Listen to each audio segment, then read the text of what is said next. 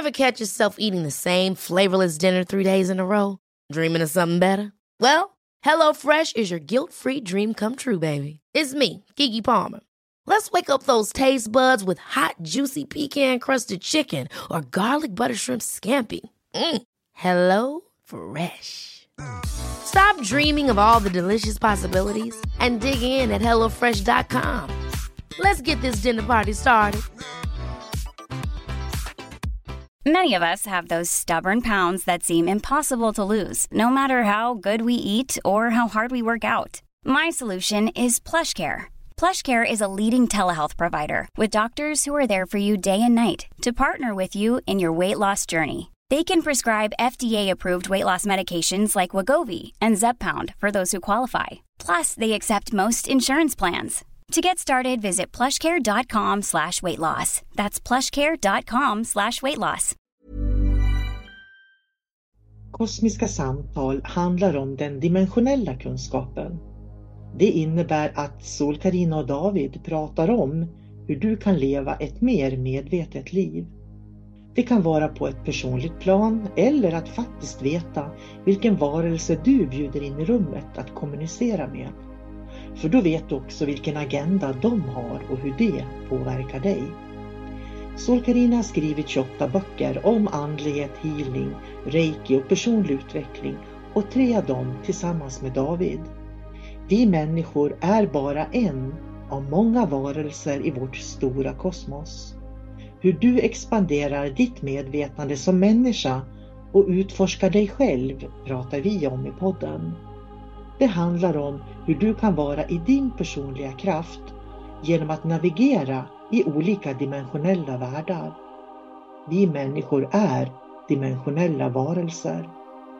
Och det är en medvetenhet för att kunna hantera ditt dagliga liv med tankar, känslor och situationer som vi delar med oss av.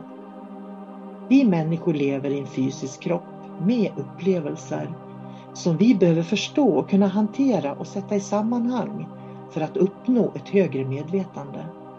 Välmående handlar om att få insikt och förståelse för hur magnifika och fantastiska alla vi människor är och att vi alla bär på många möjligheter och gåvor.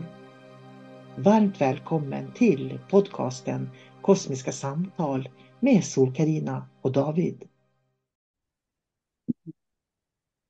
Hej och eh, varmt välkommen till Kosmiska samtal. Jag heter Sol-Karina och arbetar som andlig lärare och inspiratör i Sverige. Jag har skrivit 28 böcker och eh, tre av dem har jag skrivit tillsammans med David Gran.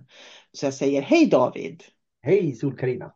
Eh, du är ju min vapendragare i den här podden så att säga. Och de böcker som vi har skrivit handlar ju om utomjordingar, eh, alltså utomjordiska varelser kan man säga.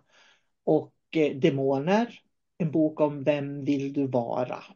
Eh, som handlar väldigt mycket om hur man hanterar sina känslor. Och vi arbetar ju bägge två med att vägleda och hjälpa och lyssna till människor och hjälpa dem att sortera den här verkligheten som de lever i. Eh, vi har båda lång erfarenhet av det här. Även om du är mycket yngre än mig så har du också väldigt lång erfarenhet och det har jag ju eh, förstått när vi har pratat så mycket som vi har gjort. Eh, att vi, har, vi delar mycket livsåskådningar. Vi tycker om att bryta sönder saker för att se om det håller, så att säga. Ja, så att jag skulle vilja säga att vi är liksom en blandning mellan mystiker och filosofer. Ja, det liksom, är bra. Så att det blir eh, liksom en, en, eh, en fin allians där. Liksom, det ska vara levande, det ska vara nästan lite poetiskt. Man ska inte vara någon tydlig struktur utan man ska kunna vända och vrida på, på allting, på alla stenar i, i en diskussion. Och det ska liksom... hitta något korn av sanning här och där som, som, som man kan hålla fast vid. Och det passar in på ett sätt så att både jag mår bra av det och människor i min omgivning mår bra av det. Jag har ju fokuserat främst på eh, faktiskt på utbildningar idag. Så jag utbildar ju människor i det här att lära känna sig själv och lära känna mystiken i sig själv skulle man kunna säga också. Och vi kommer tillbaka till det för vi, vi kommer att prata idag om just sådana här saker då. Eh, och en av de saker som eh, jag tänkte ta upp då, eller som vi ska ta upp då naturligtvis tillsammans, det är att Mediumförbundet blir ju mer och mer spiritualistiskt. Och det är, tycker jag, jätteintressant för att från början så var de ju öppna för alla. Men idag så, så går de ut med att de ska, att de, den som inte ser spiritualismen och spiritismen i Mediumförbundet har inte rätt glasögon på sig så att säga. Och det som är så intressant är att eh, det här startar ju en gång i tiden, att, att vi är det vi är idag med det här kaoset liksom, i utbildningar och sådär. Det har ju att göra med att det okända som gick på tv i många, många år. Och, och sen efter det okända, där man liksom lyftade fram profiler som egentligen inte har så mycket kunskap utan bara var duktiga på att ja, vara i tv och läsa in saker och presentera sig själva skulle jag vilja säga. De är inte mer intuitiva än vad någon annan människa i vårt samhälle är, det tror inte jag. Och sen på det så börjar man liksom göra utredningar och, och jaga spöken och jag vet inte allt vad man håller på med. Och det börjar, TV4 har ju som initierat det här faktiskt en gång i tiden. Och det har ju lett till att vi har en marknad idag där det inte längre handlar om kunskap. Det är ju det som är de här popcornmediumerna som jag pratar om. Som liksom går ett halvårsutbildning och sen är de medium och så ska de vägleda människor i existentiella frågor. Ja, och jag skulle vilja säga att det, det, det här börjar ännu tidigare också. För eh, om man tittar åtminstone där jag bor. Eh, fram till på 50-talet så, så, var det ju väldigt kristet allting här. Så att eh, folk som föddes på 60-talet, eh, när de någon gång på 80-talet var 20-årsåldern, alla hade gått söndagsskola. Mm. Eh, men de flesta hade slutat gå i kyrka och de hade ju den här, eh, vad ska man säga, religionen med sig, den här uppfattningen om ja, men paradiset som man kan direkt översätta till andra sidan. Eh, en del har valt att ha med sig änglar fortfarande för att ge trygghet. Så, så de tror inte på den religionen längre, men de har med sig allting.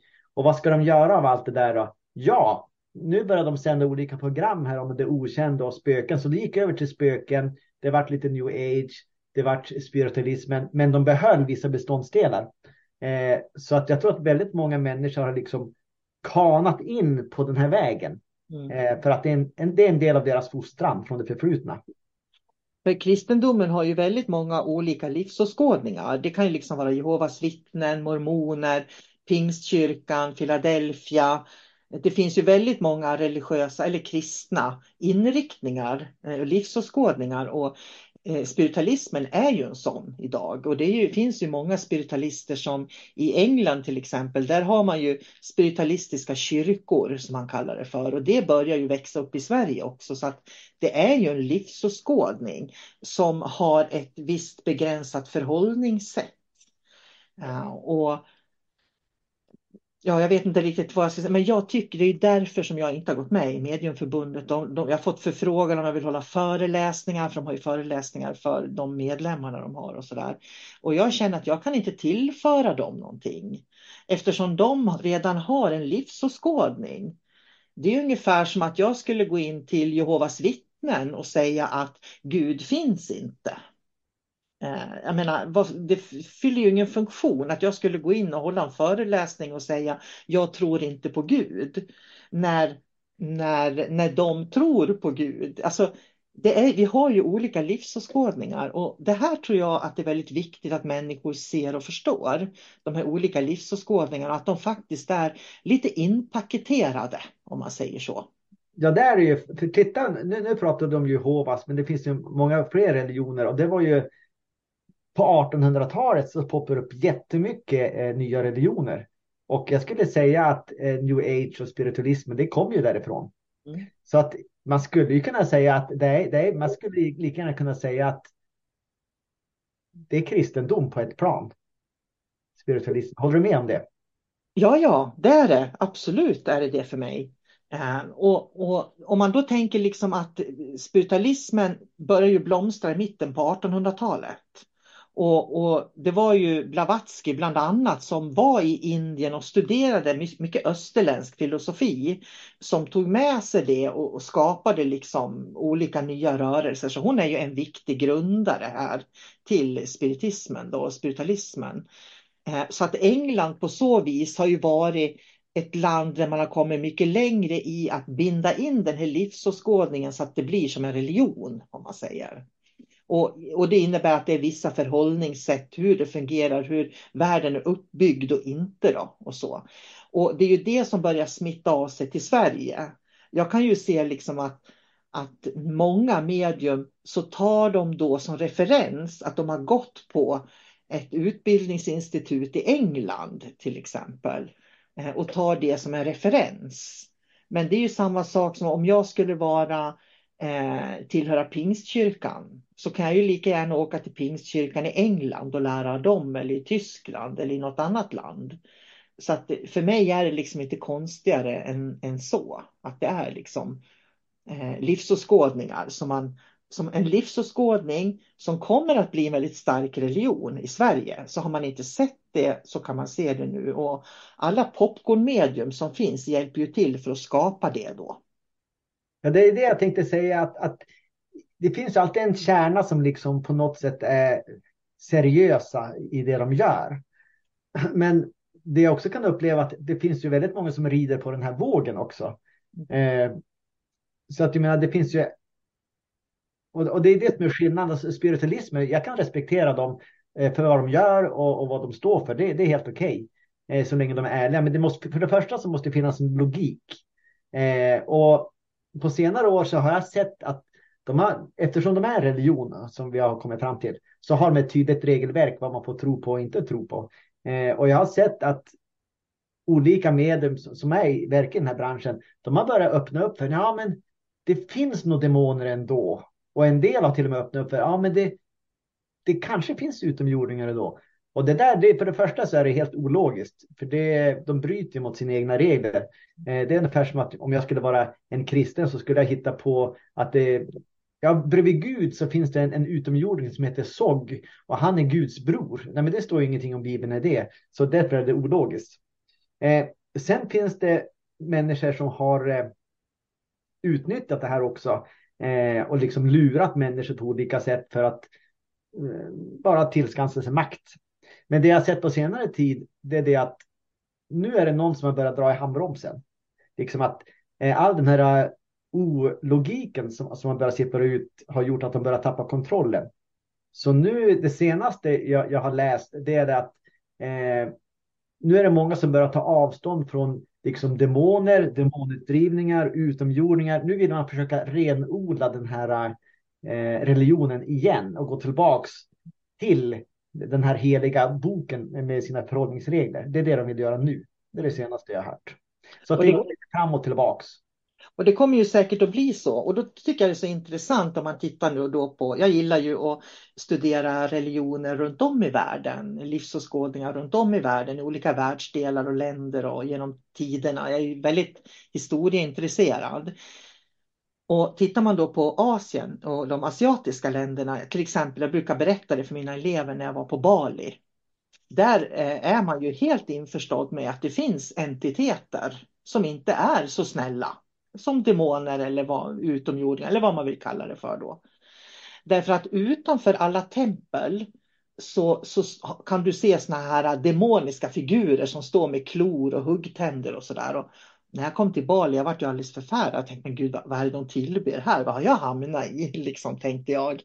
Så jag frågade och då sa de sådär att eh, de, demonerna, de kallar dem för dem, och det, de kallas ju för jinner. Demoner och jinner är ju samma sak faktiskt. Eh, och i, det de gör då, det är att de ger dem mat och blommor och fjäskar för dem.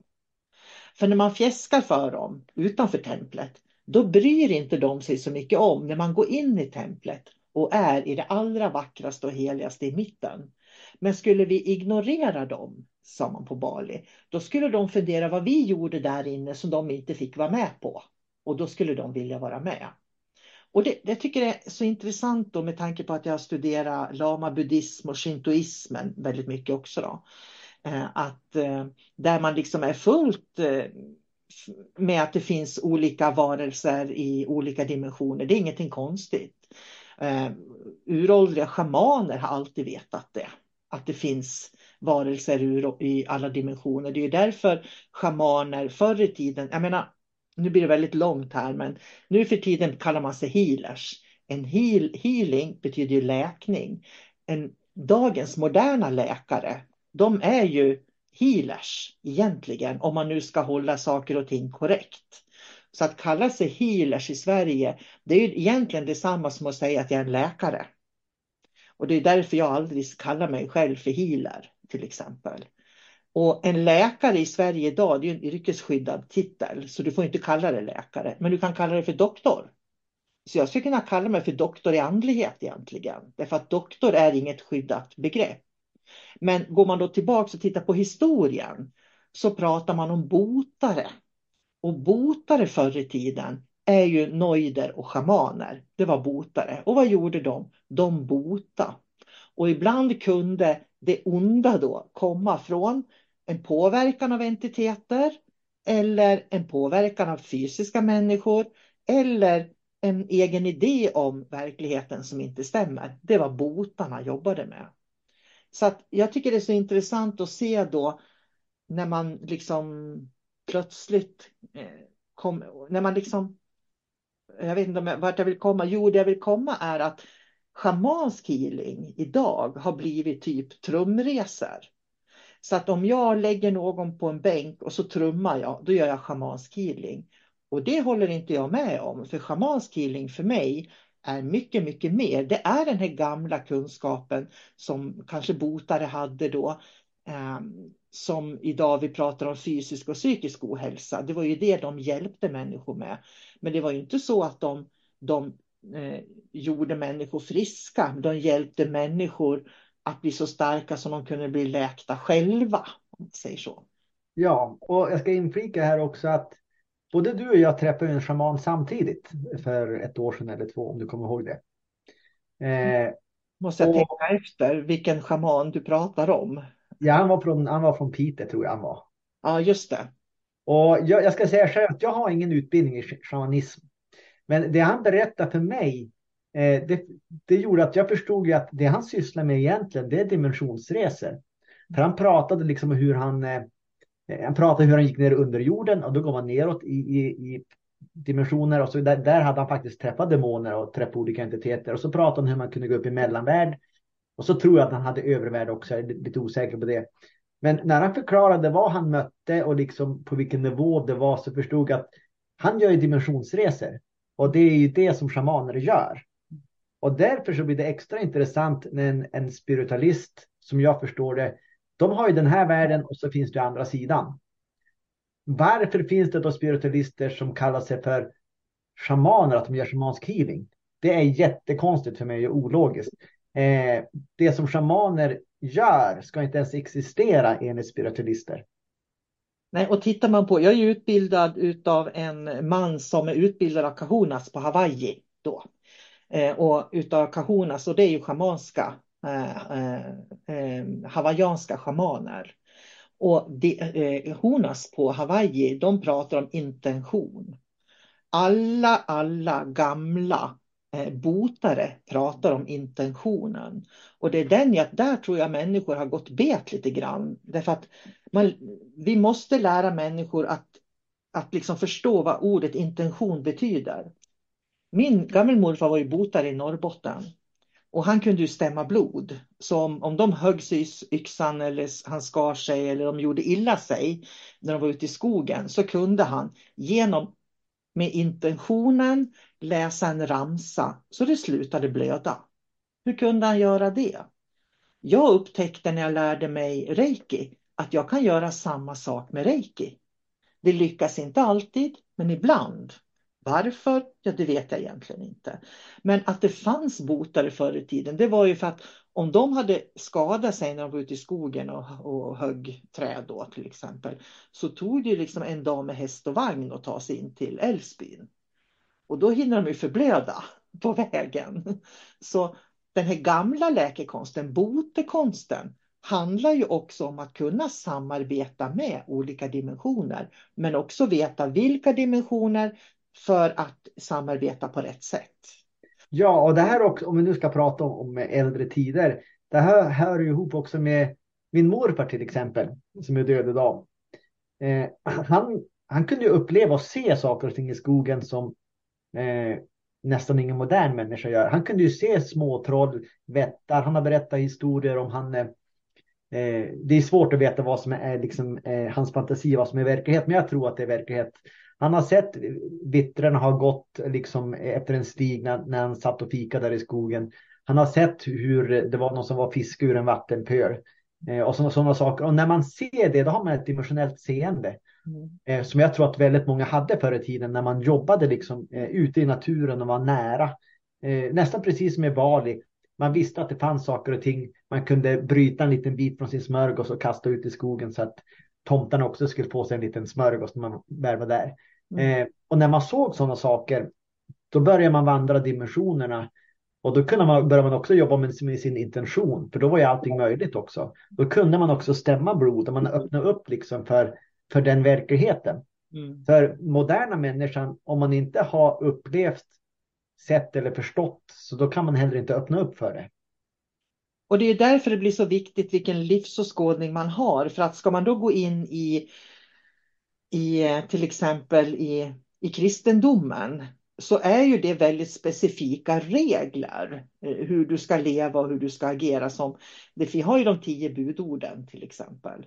Och de ska du följa, men det är ju alltid en tolkning av hur, hur du följer dem. Och det är ju samma sak om du tittar på buddhismen och den åttafaldiga vägen så, så pratar ju den också om hur du ska ha rätt tal och rätt agerande och rätt känsla och massa sådana saker. Ehm, och, men det är fortfarande så tolkar man ju det och det är de här tolkningarna som människor plockar ut och, och liksom får med sig människor i tolkningarna om man säger så.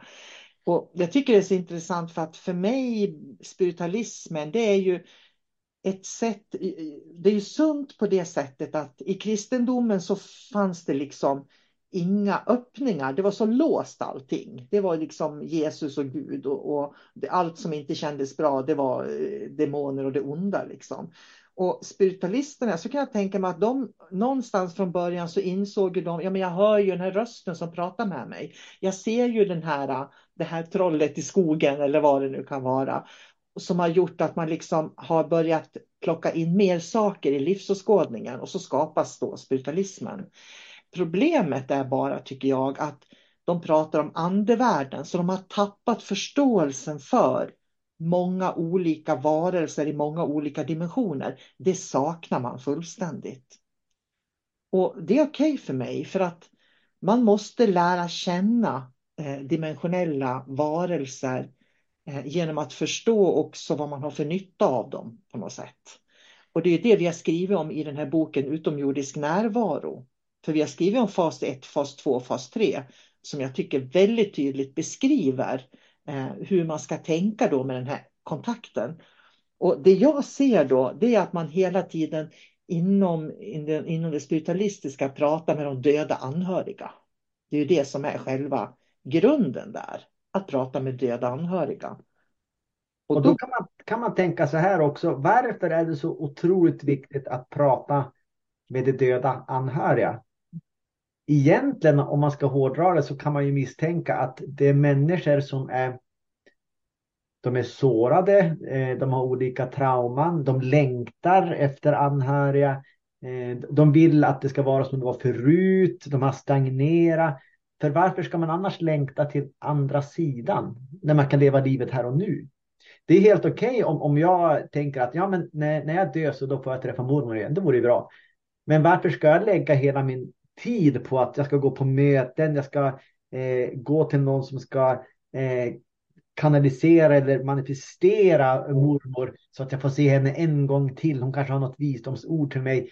Då blir det ju snarare en besatthet. Mm. Och det är också helt okej okay om någon vill lägga all sin tid på det. Men varför inte lägga dagen på att leva sitt eget liv? Mm. Att liksom, för det som händer nu för många, det är att man kliver in i, i en... Eh, istället för att vara ute i hela stora världen där det finns oändligt mycket saker att utforska, Då väljer man att gå in i en liten garderob och så stänger man dörren och så säger man det här är min verklighet nu. Och då, då får man så stora begränsningar att det går inte att ta sig därifrån längre. Alltså man, man liksom fast i den där loopen. Vart man än går så är det mörkt och trångt. Och det enda man vet är egentligen den här längtan som man har till andra sidan. Det är ju där som jag menar att kristendomen har på något vis, säkert behövde man kristendomen för på något vis för att få människor. Människor har alltid behövt levnadsregler. Det tror, inte, det tror jag liksom alltid vi har behövt på något vis på olika sätt. Men eh, det jag tänker på det är ju liksom det här att andlig, spiritualism är inte andlighet för mig. Eh, men, utan man praktiserar en livsåskådning som har en speciell liten inriktning av andlighet. Ja. Men det innebär inte att det är hela det andliga livet. Eh, därför att jag har ju liksom en helt annan verklighet som egentligen baserar sig också på den vediska kulturen och den, de gamla schamanska traditionerna. Där allting utgår från oss själva och egentligen så är vi, allting finns i oss, så att vi är egentligen allting. Och det här är ju jättedjup filosofi. Men jag tänker så här, vi pratar om shamanism. Det finns ju också två olika sorters shamanism. Till exempel så finns det ju plantschamanismen, alltså jord, de som jobbar med jord, eh, jordnära, de kan ju jobba med eh, plantor och, och liksom moder jord och ceremonier och sådär. Och så har du ju då den, den himmelska shamanismen där man jobbar mer med energier och på, på energinivå och dimensionsvandring till exempel. Så att det är ju två olika schamanska inriktningar som finns inom all shamanism. Och då blir det jättekonstigt för mig om man liksom säger att shaman, jag är schaman och så trummar jag över en människa. Eh, då kan ju den som gör gångbad också säga jag är schaman. För när man utför gångbad så, så jobbar man ju också med vibrationer. Så jag skulle vilja säga att en schaman kan ha trumman eller skallran som hjälpmedel faktiskt. Så att det är ju liksom, innebär inte att man är schaman för att man gör schamansk healing. Utan det innebär att eh, för eftersom en riktig schaman har olika verktyg de använder sig av. Just det. Är du med på det här med himmelsk och jordisk, att det finns två olika typer ja. av shamanism? Och det jag tänkt på nu, nu, nu har vi ju gått in på, på healing då, som någon typ spiritualistisk healing. För de har väl också någon, någon healingform som jag har förstått det. Eh, men nu får du rätta mig om jag har fel.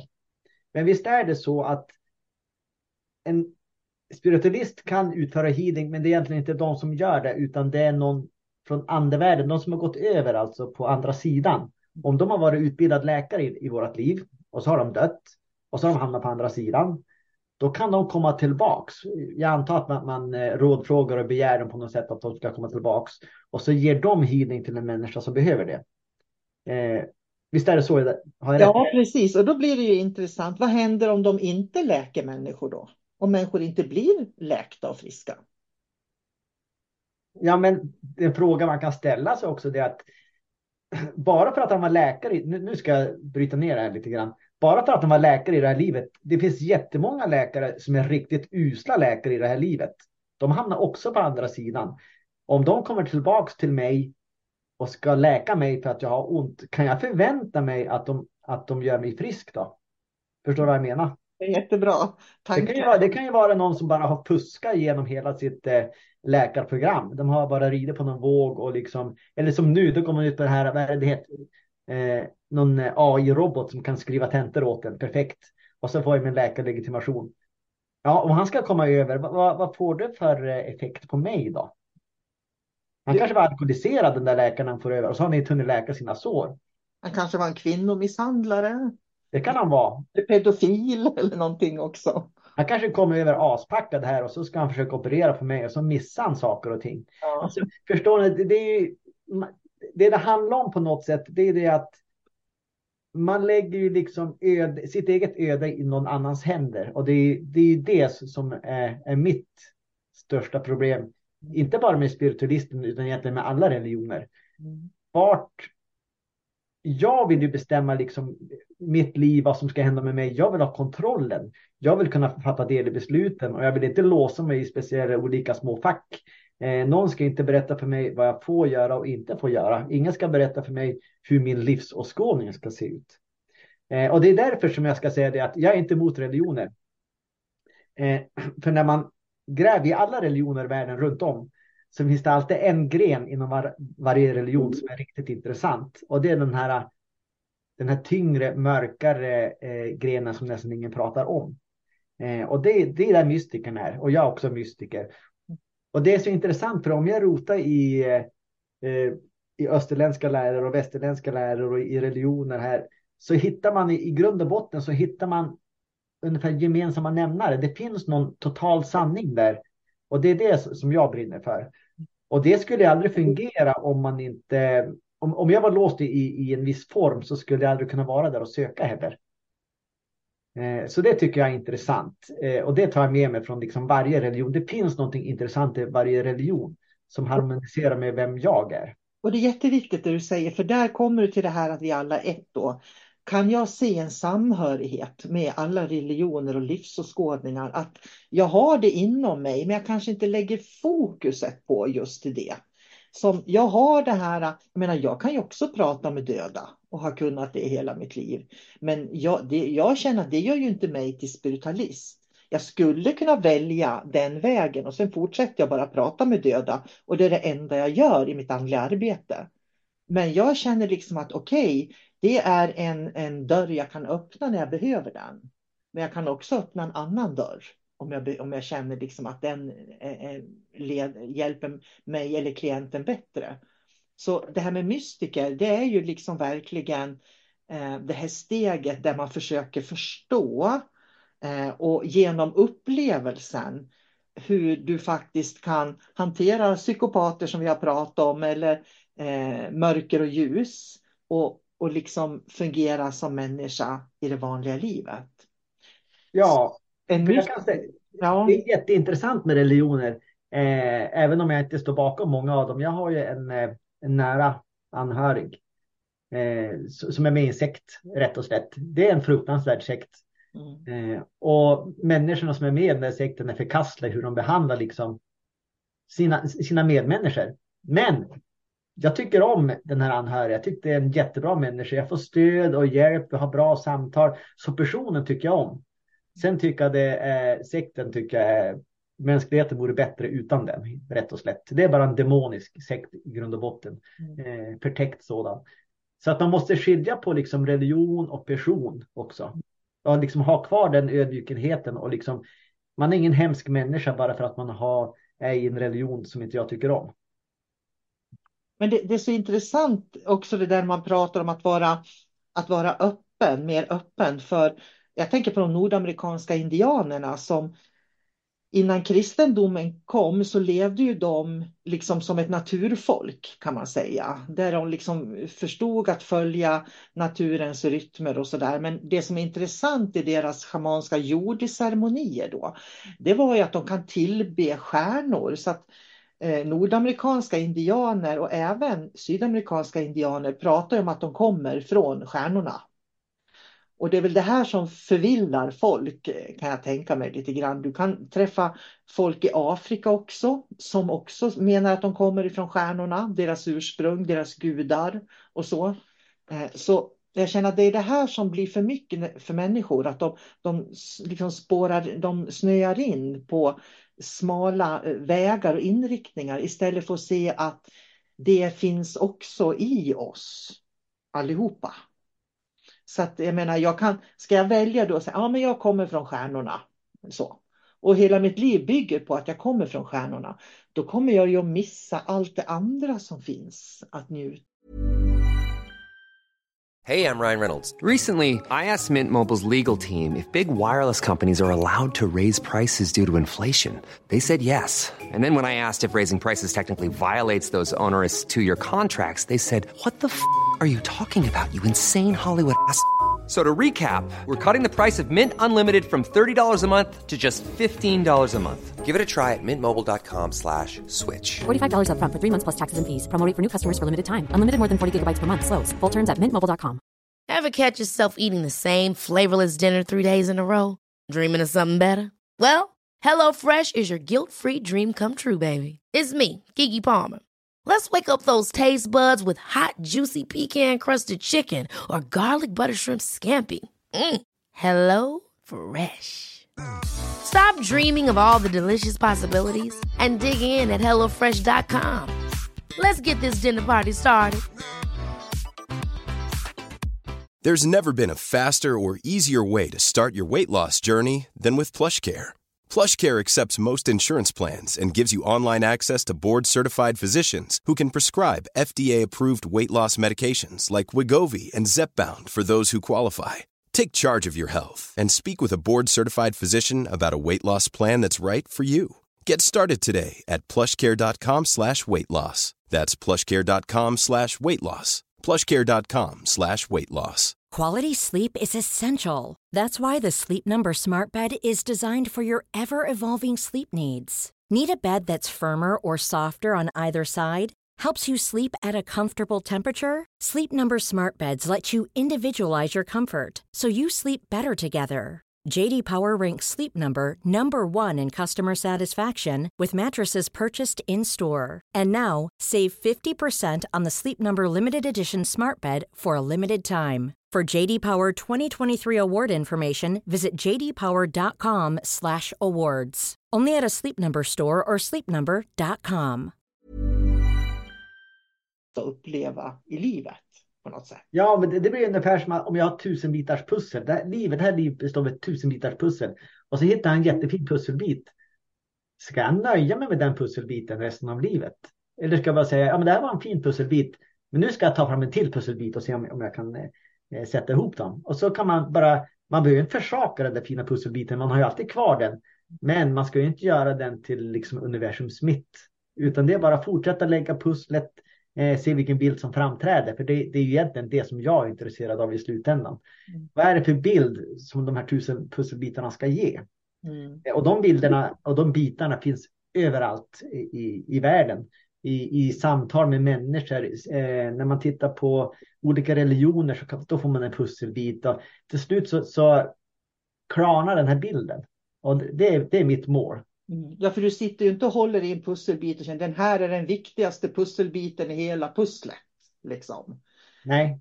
Utan varje pusselbit har ju sin eh, beskärda, det tillför ju sin egen del.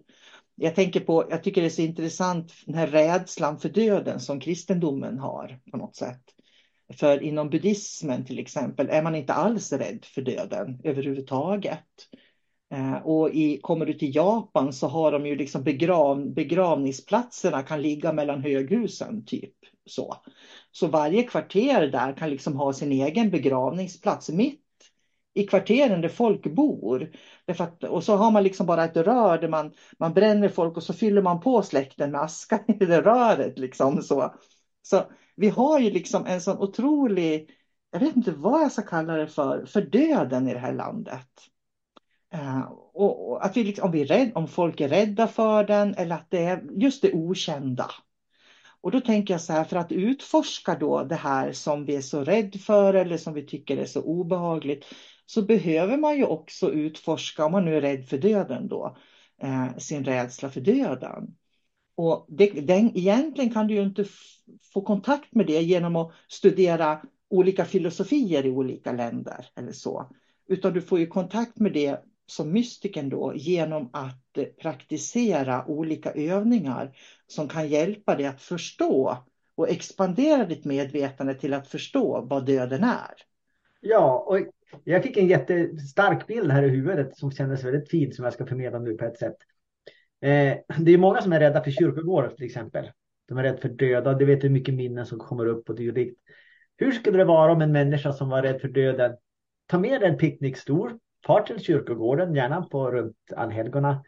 Eh, om det inte är för kallt. Ställ stolen där på kyrkogården. Sitter i din helt tyst. Säg, ingen annan ska vara där, säg ingenting. Sitter i flera timmar, i bästa fall över hela natten. då kommer du börja reflektera. Du kommer lära känna döden på ett helt annat sätt. För då är man där. Man tvingas ta itu med det. Eh, och förhoppningsvis när, dag, när dagen gryr så då är man inte rädd för döden. Då har man kanske respekt för döden. Man har lärt känna den på ett helt annat sätt. För många är ju bara liksom, de är ju rädda bara. Nej, jag vill inte veta, jag vill inte höra om det där. Jag vill inte prata om någonting annat. Så att de hinner ju aldrig möta och känna på döden eh, på det sätt som de skulle kunna ha gjort. Mm. Eller göra som jag gjorde när min mamma dog. Eh, för då skulle, skulle vi få gå ut då, för de skulle tvätta henne och göra ordning henne. Och då sa jag nej jag vill vara med när ni gör det. Så jag var med och tvättade mamma och gjorde ordning henne när hon hade dött. Och det var jättefint för mig. Jag tror att jag bearbetade min mammas död, att jag hade förlorat henne, när jag fick vara med och göra henne fin på den sista resan så att säga. Eh, och så att jag tror att vi skulle behöva eh, faktiskt plocka in döden mycket mera i våra liv. Därför att det är ju det vi kommer att möta. Och jag tror att kan man göra det, då, vi har pratat om det här med den yttre världen och makten där ute och, och den här, de här Eh, man fasaderna man sätter upp och sådär. Då kommer vi också väldigt nära våra egna känslor och önskningar. Så då får vi ju liksom väldigt djup kontakt med oss själva egentligen. Ja, det är det som är viktigt. Eh, jag kan ju också säga eh, min farmor hon, hon blev 92 tror jag. Hon, jag hittade ju hon, hon, hade ju, hon bodde i hus fortfarande. Eh, det var minus 15 ute och så hittade hon, hon hade fallit med sparken och så var hon ihopfrusen och låg där och krampade, höll i sparkstyret. Hon var ju döda, hon hade legat ute en hel natt. Eh, och man får ju inte flytta på liket heller. Utan polisen ska ju dit och så ska ju de eh, göra någon brottsplatsundersökning. Men läkaren kom dit i alla fall och så sa de, ja men okej, vi, vi fick bära in någon i huset. Så vi bar in farmor i hennes hus, eh, tog bort alla möbler och så la hon på vardagsrumsgolvet. Och jag tror hon låg där i fyra, fem timmar. Mm. Så alla farmors barn kommer hem eh, med respektive och mina bröder var där. Och vi, vi plockade fram hennes fika. Vi kokade kaffe, vi fikade.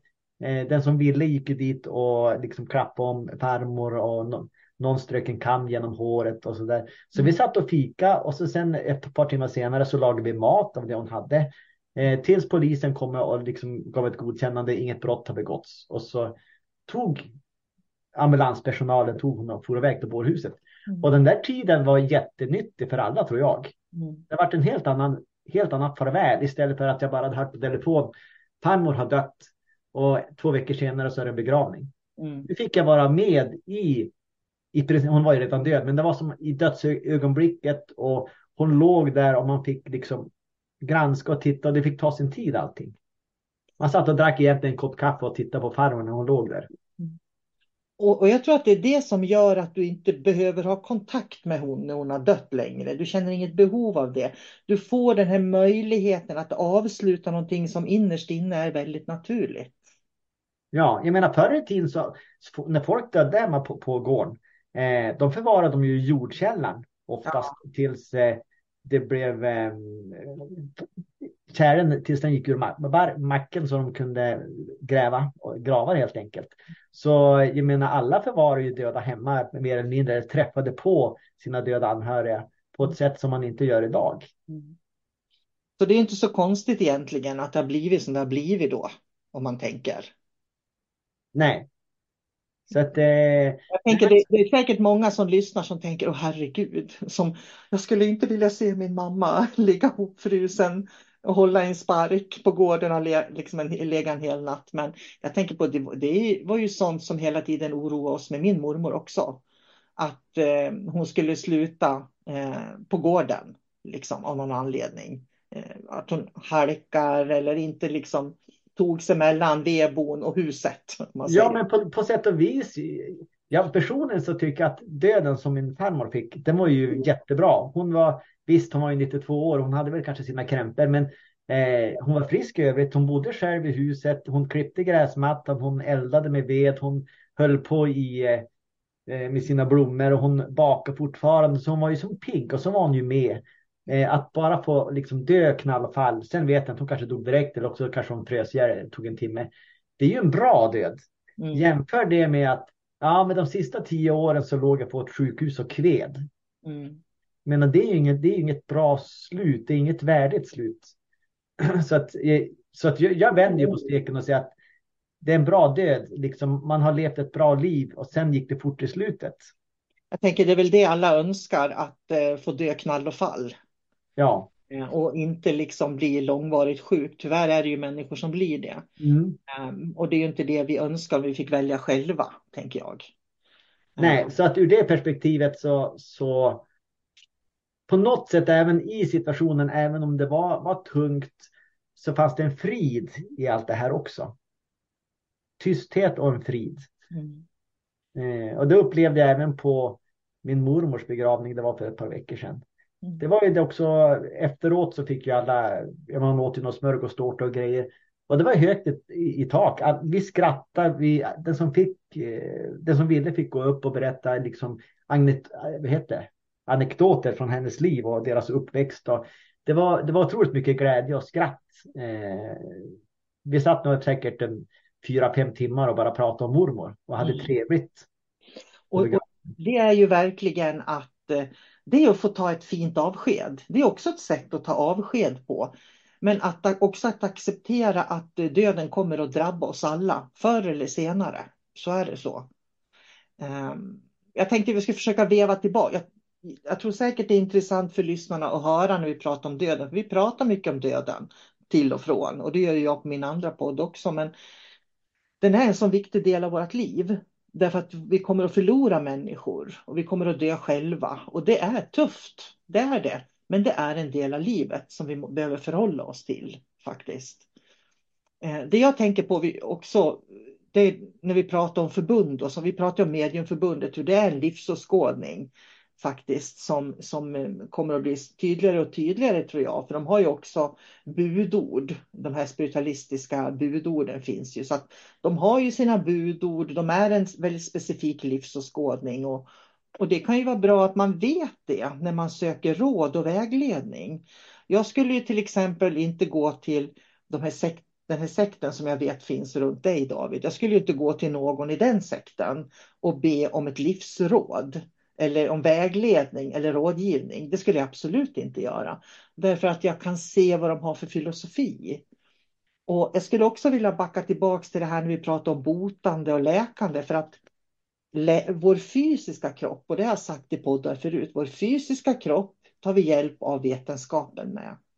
Eh, den, den själsliga läkningen, det är det vi får utav, utav psykologer och kuratorer som hjälper oss liksom att balansera hjärna och hjärta lite grann så. Men vi jobbar ju liksom med den här läkningen som man inte riktigt kan ta på egentligen. Med att hitta sig själv och, och den livsåskådning kanske som passar just mig och så. Så att det gäller ju liksom att förstå att healing handlar inte om att bota allting. Och där vill jag så gärna prata om det också för att jag var ju med och, och när de grundade Reiki-förbundet och var med där. Jag var ordförande där i tre år. 2009 så klev jag av det och anledningen att jag klev av det var för att jag tyckte att människor var mer intresserade av att eh, tjäna pengar på reiki än att eh, utforska och dela med sig av reiki. Så att man var inte så intresserad av att eh, ta reda på mer vad reiki är och hur det fungerar utan man var bara intresserad av alla de här tilläggen. Det, liksom, det tillkom symboler i reiki och, som man lade till och man började kalla det för Karuna reiki och Kundalini reiki och Holifaje reiki och, och ja, det fanns hur många reiki-namn som helst. Och plötsligt ska det bli en healer då. Så att du liksom online kan få ett reiki-diplom till exempel. Eh, du har aldrig pratat med en lärare. Du har läst din pdf-fil och sen blir du en healer då. Och den healern då som har eh, blivit healer genom att endast läsa en pdf-fil då till exempel eh, kan då bli medlem i Mediumförbundet. För de är ju healers då eller i reikiförbundet, om, de, om det finns Reiki med i ordet. Och så kan de lära det vidare och så kan de behandla folk då. Och det var lite det här som jag sätter mig emot då. Eh, därför att eh, det måste finnas någonstans eh, struktur och, och, etiska regler och såna här saker. Och eftersom jag har valt att jobba med reiki då och den, en japansk reiki där jag har liksom gått eh, jag har gått de utbildningar som finns i reiki och blivit lärare i en massa olika traditioner med anknytning till Japan då i, i femte led från Usui är jag då.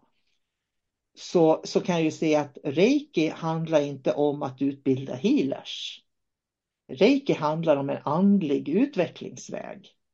Och det är skillnad då på den reiki jag utövar mot det, eh, den reiki healing som många gör. För jag gör inte reiki healing, jag gör reiki. Och den andliga healingen, där man som du sa, liksom man bjuder in läkare och, och jag ska då ställa bort mig själv och någon annan ska använda mig som ett verktyg för en läkare, för en annan person. Den reiki jag jobbar med eh, är också läkande. Men utifrån att jag börjar med att läka mig själv och förstå vad läkning är. För läkning är ju att bli hel, både fysiskt, psykiskt och eh, men, eh, eh, vad skulle jag säga, fysiskt, psykiskt och nu, nu tappar jag bort det, fysiskt, psykiskt och men, emotionellt skulle jag säga. Ja. Eh, så att, att liksom, för det handlar om att jag mår bra, jag läker mig själv, jag kan förstå var känslor kommer ifrån, jag kan förstå tankar, jag kan förstå hur jag ska hantera situationer och ju mer jag förstår det så expanderar min medvetenhet, jag får mer flöde och då lever jag mer i reiki. Steg två i reiki handlar om att jag, kan, jag har den här erfarenheten av eget läkande så nu kan jag hjälpa andra att förstå det också hos dem själva. Det är reiki 2. Och sen den tre, det tredje steget i reiki då, det är ju mystiken. Hur kan jag använda den här förmågan att faktiskt eh, lä, lära vidare vissa delar i reiki till andra människor och hur kan jag använda det för att få det här djupande, djupare sökandet som vi pratade om när man liksom plockar in eh, allting. Och, och, därför är det så intressant då när vi har ett reikiförbund som ska vara ett förbund. Jag menar då kan man, ska man börja ifrågasätta andra förbund. Ska vi ifrågasätta Läkarförbundet, Sjuksköterskeförbundet, eh, ska vi, eh, Metallförbundet? Förstår du? Vilka förbund ska vi eh, lita på och inte? När vi har två förbund i Sverige som faktiskt inte har någon kvalitetssäkring och som försöker inbilla folk att de har det, fast de egentligen inte har det. För det finns ingenting som säger egentligen hur och vad du ska lära dig reiki. Och det är därför som det går inte att göra förbund utav, det är, därför, det är det andlighet för mig, det är det här som vi kan uppleva som gör att vi kan expandera vår medvetenhet och, och liksom lära mer om oss själva och livet. Det är andlighet för mig. Och det kan man inte göra förbundet av.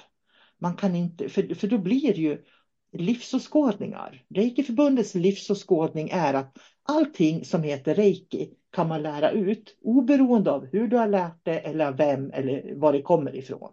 Så. Är du med? Nu vart det väldigt långt. Ja, alltså, det är egentligen om du pratar om, om reiki, det är en personlig erfarenhet som man har. Mm. Och mitt sätt att se på, på healing som, som, ett, som ett brett, på ett brett spektra.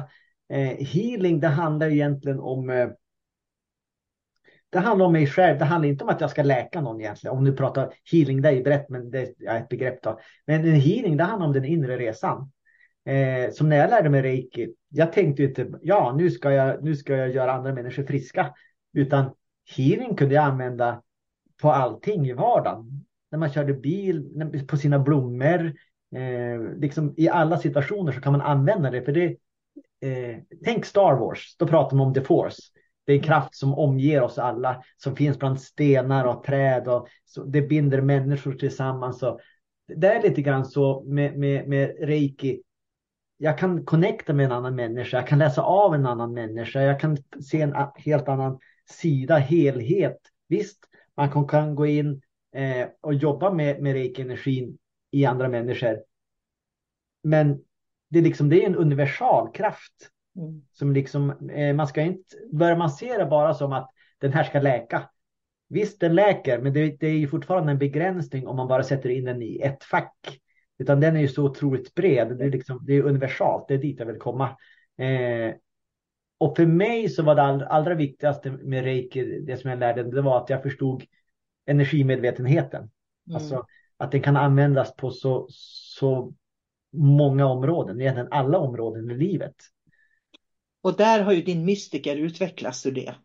Och det, det, din, att du kan liksom se det här är andlighet för mig har utvecklats. Det är ju ingen bestämd livsåskådning du följer egentligen.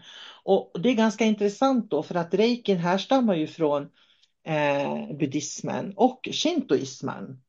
Och i Japan så är man ju, har man ju väldigt stark anknytning både till shintoismen och buddhismen. De går ju hand, hand i hand. Så att när buddhismen kom in i Japan och började ta över, om man säger så, så försvann inte shintoismen, utan de lever hand i hand, shintoism och buddhism.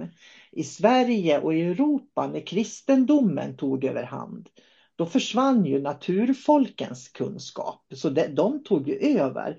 Medan i Japan har man fortfarande det blandat i folkkulturen. Och det tycker jag är jätteintressant. För att shintoismen pratar ju om eh, allting i naturen och människor. Att all, allting vi har runt omkring oss eh, är liksom levande varelser. Så trädet blomman, människan, situationen är en levande, det är ju shintoismen det.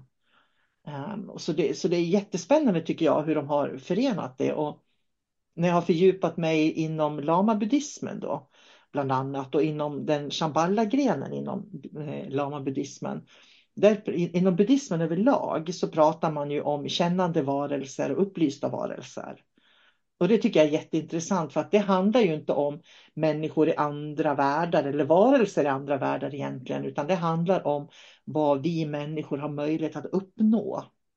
Och så länge vi är i det inre och yttre sökandet som jag menar att många balanserar i när de kallar sig healers och de ska läka det ena och de ska läka det andra. Då är de ju i de kännande varelsernas värld. Men en mystiker går ju in då till Eh, den, eh, de upplysta varelsernas värld.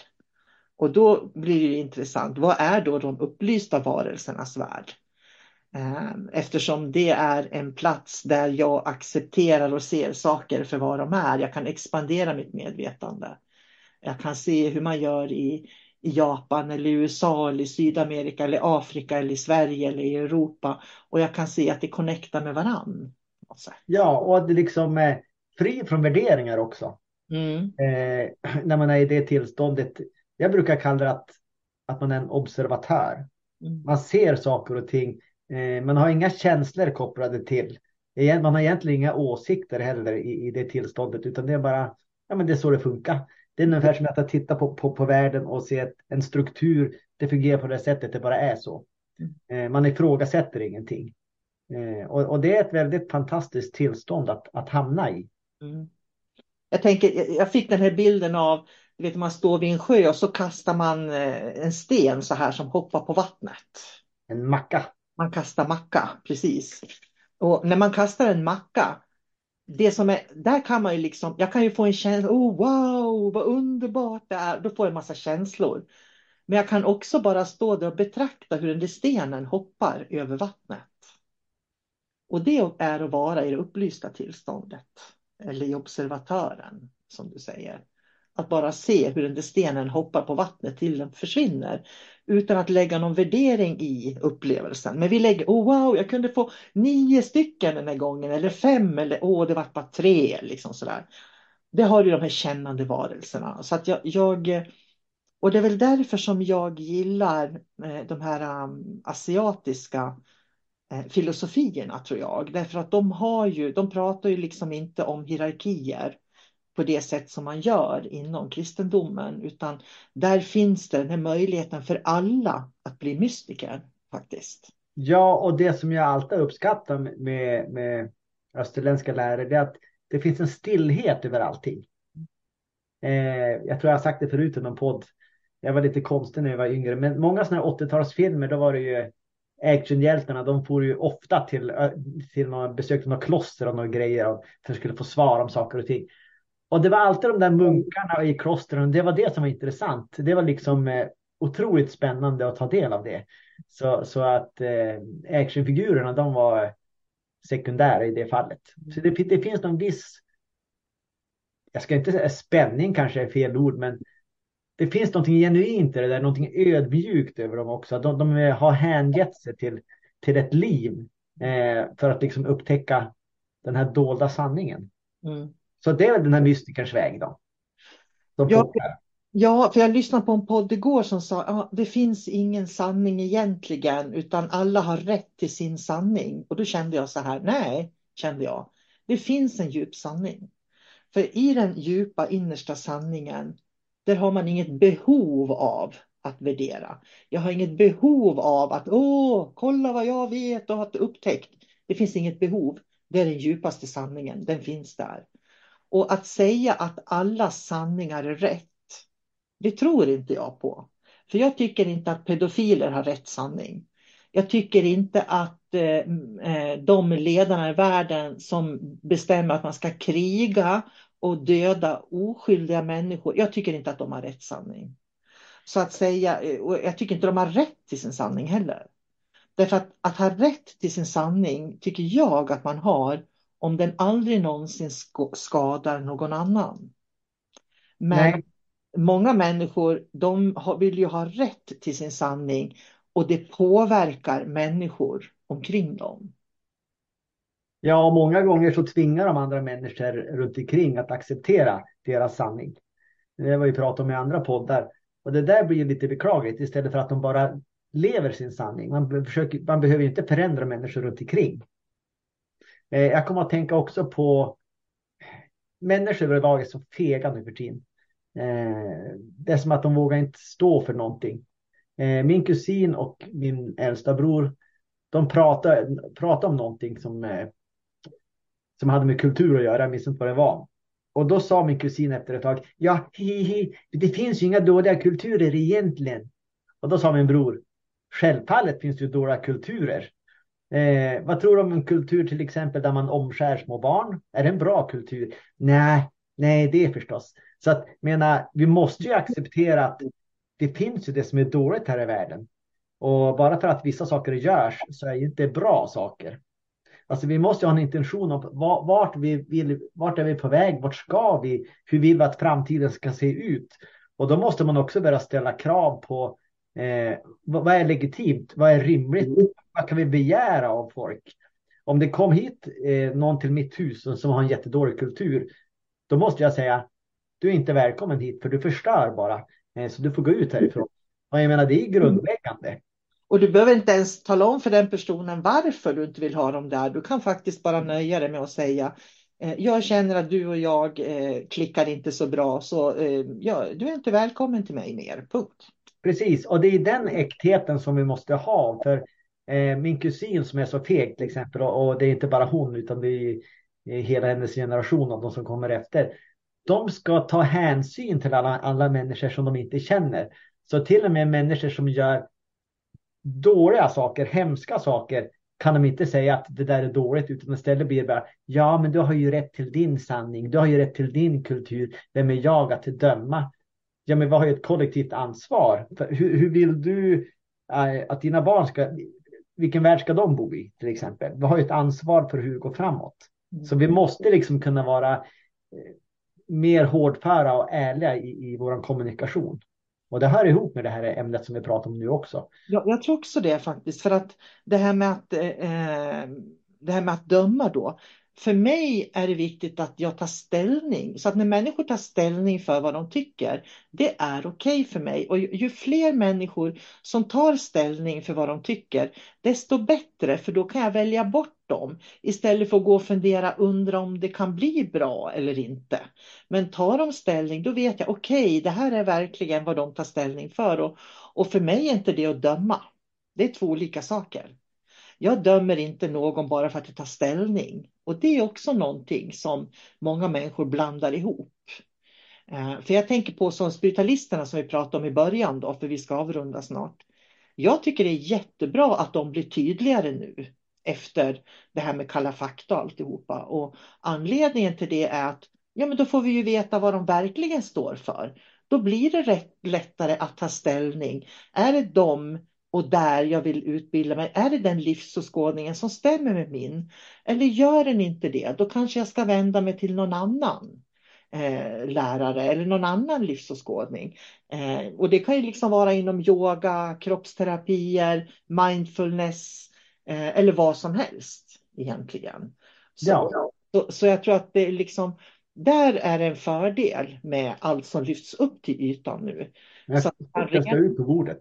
Ja, det kan renodlas. Och det är så intressant för jag brukar skoja ibland och säga att det ligger 20 år före min tid och det stör mig. Och så har jag tänkt så här.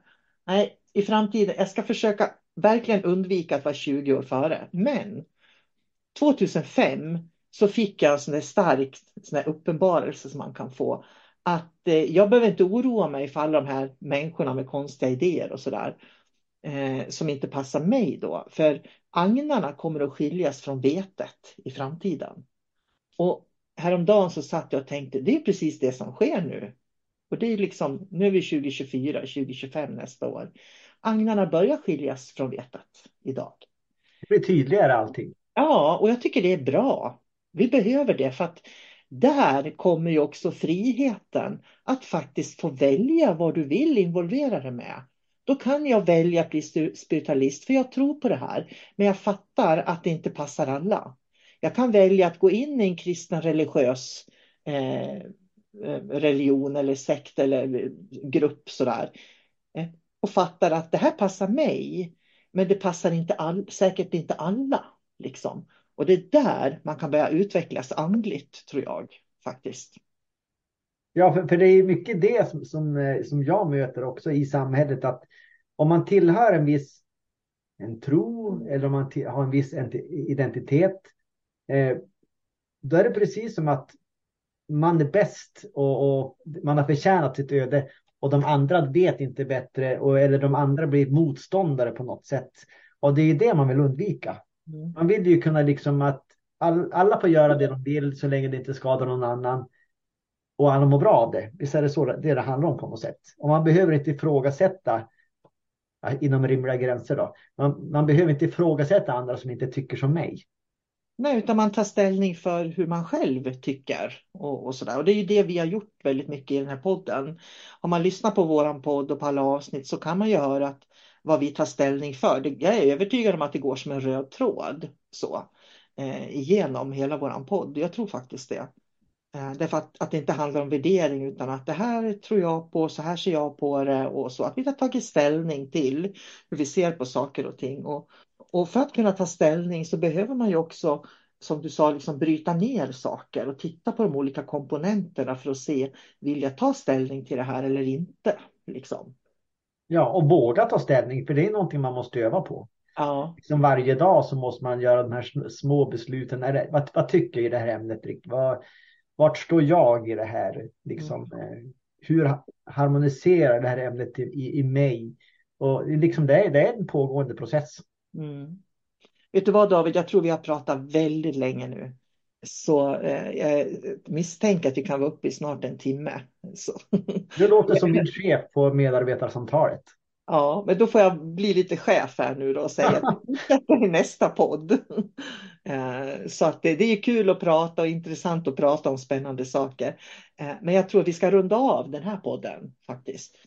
Och är det så, eh, och jag tänker på det vi pratar om i den här podden, är ju faktiskt sånt som människor har frågat oss om och vill ha fördjupning i, veta mer om. Så att vi sitter ju inte och pladdrar om saker som, som, som liksom inte berör människor som lyssnar på den här podden, utan de är ju delaktiga i det vi pratar om. Så därför säger jag innan vi slutar nu då att är det så att ni vill att vi ska prata något mer om något ämne eller någon situation som du har upplevt eller sådär, så hör gärna av dig.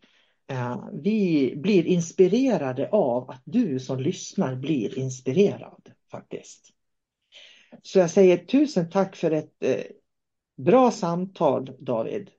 Mm. Tack själv Sol-Carina. Och jag, jag, tänkte, jag har ingen aning om vad vi har pratat om, men det lär väl visa sig så småningom. Kanske. Mm, ja, det var väl religion och livsåskådning tror jag.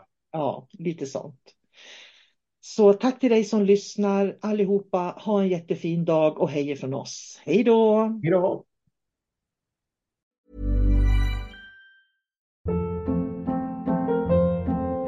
Hold up. What was that? Boring. No flavor. That was as bad as those leftovers you ate all week. Kiki Palmer here, and it's time to say hello to something fresh and guilt-free. Hello Fresh. Jazz up dinner with pecan-crusted chicken or garlic butter shrimp scampi. Now that's music to my mouth. Hello Fresh. Let's get this dinner party started. Discover all the delicious possibilities at hellofresh.com.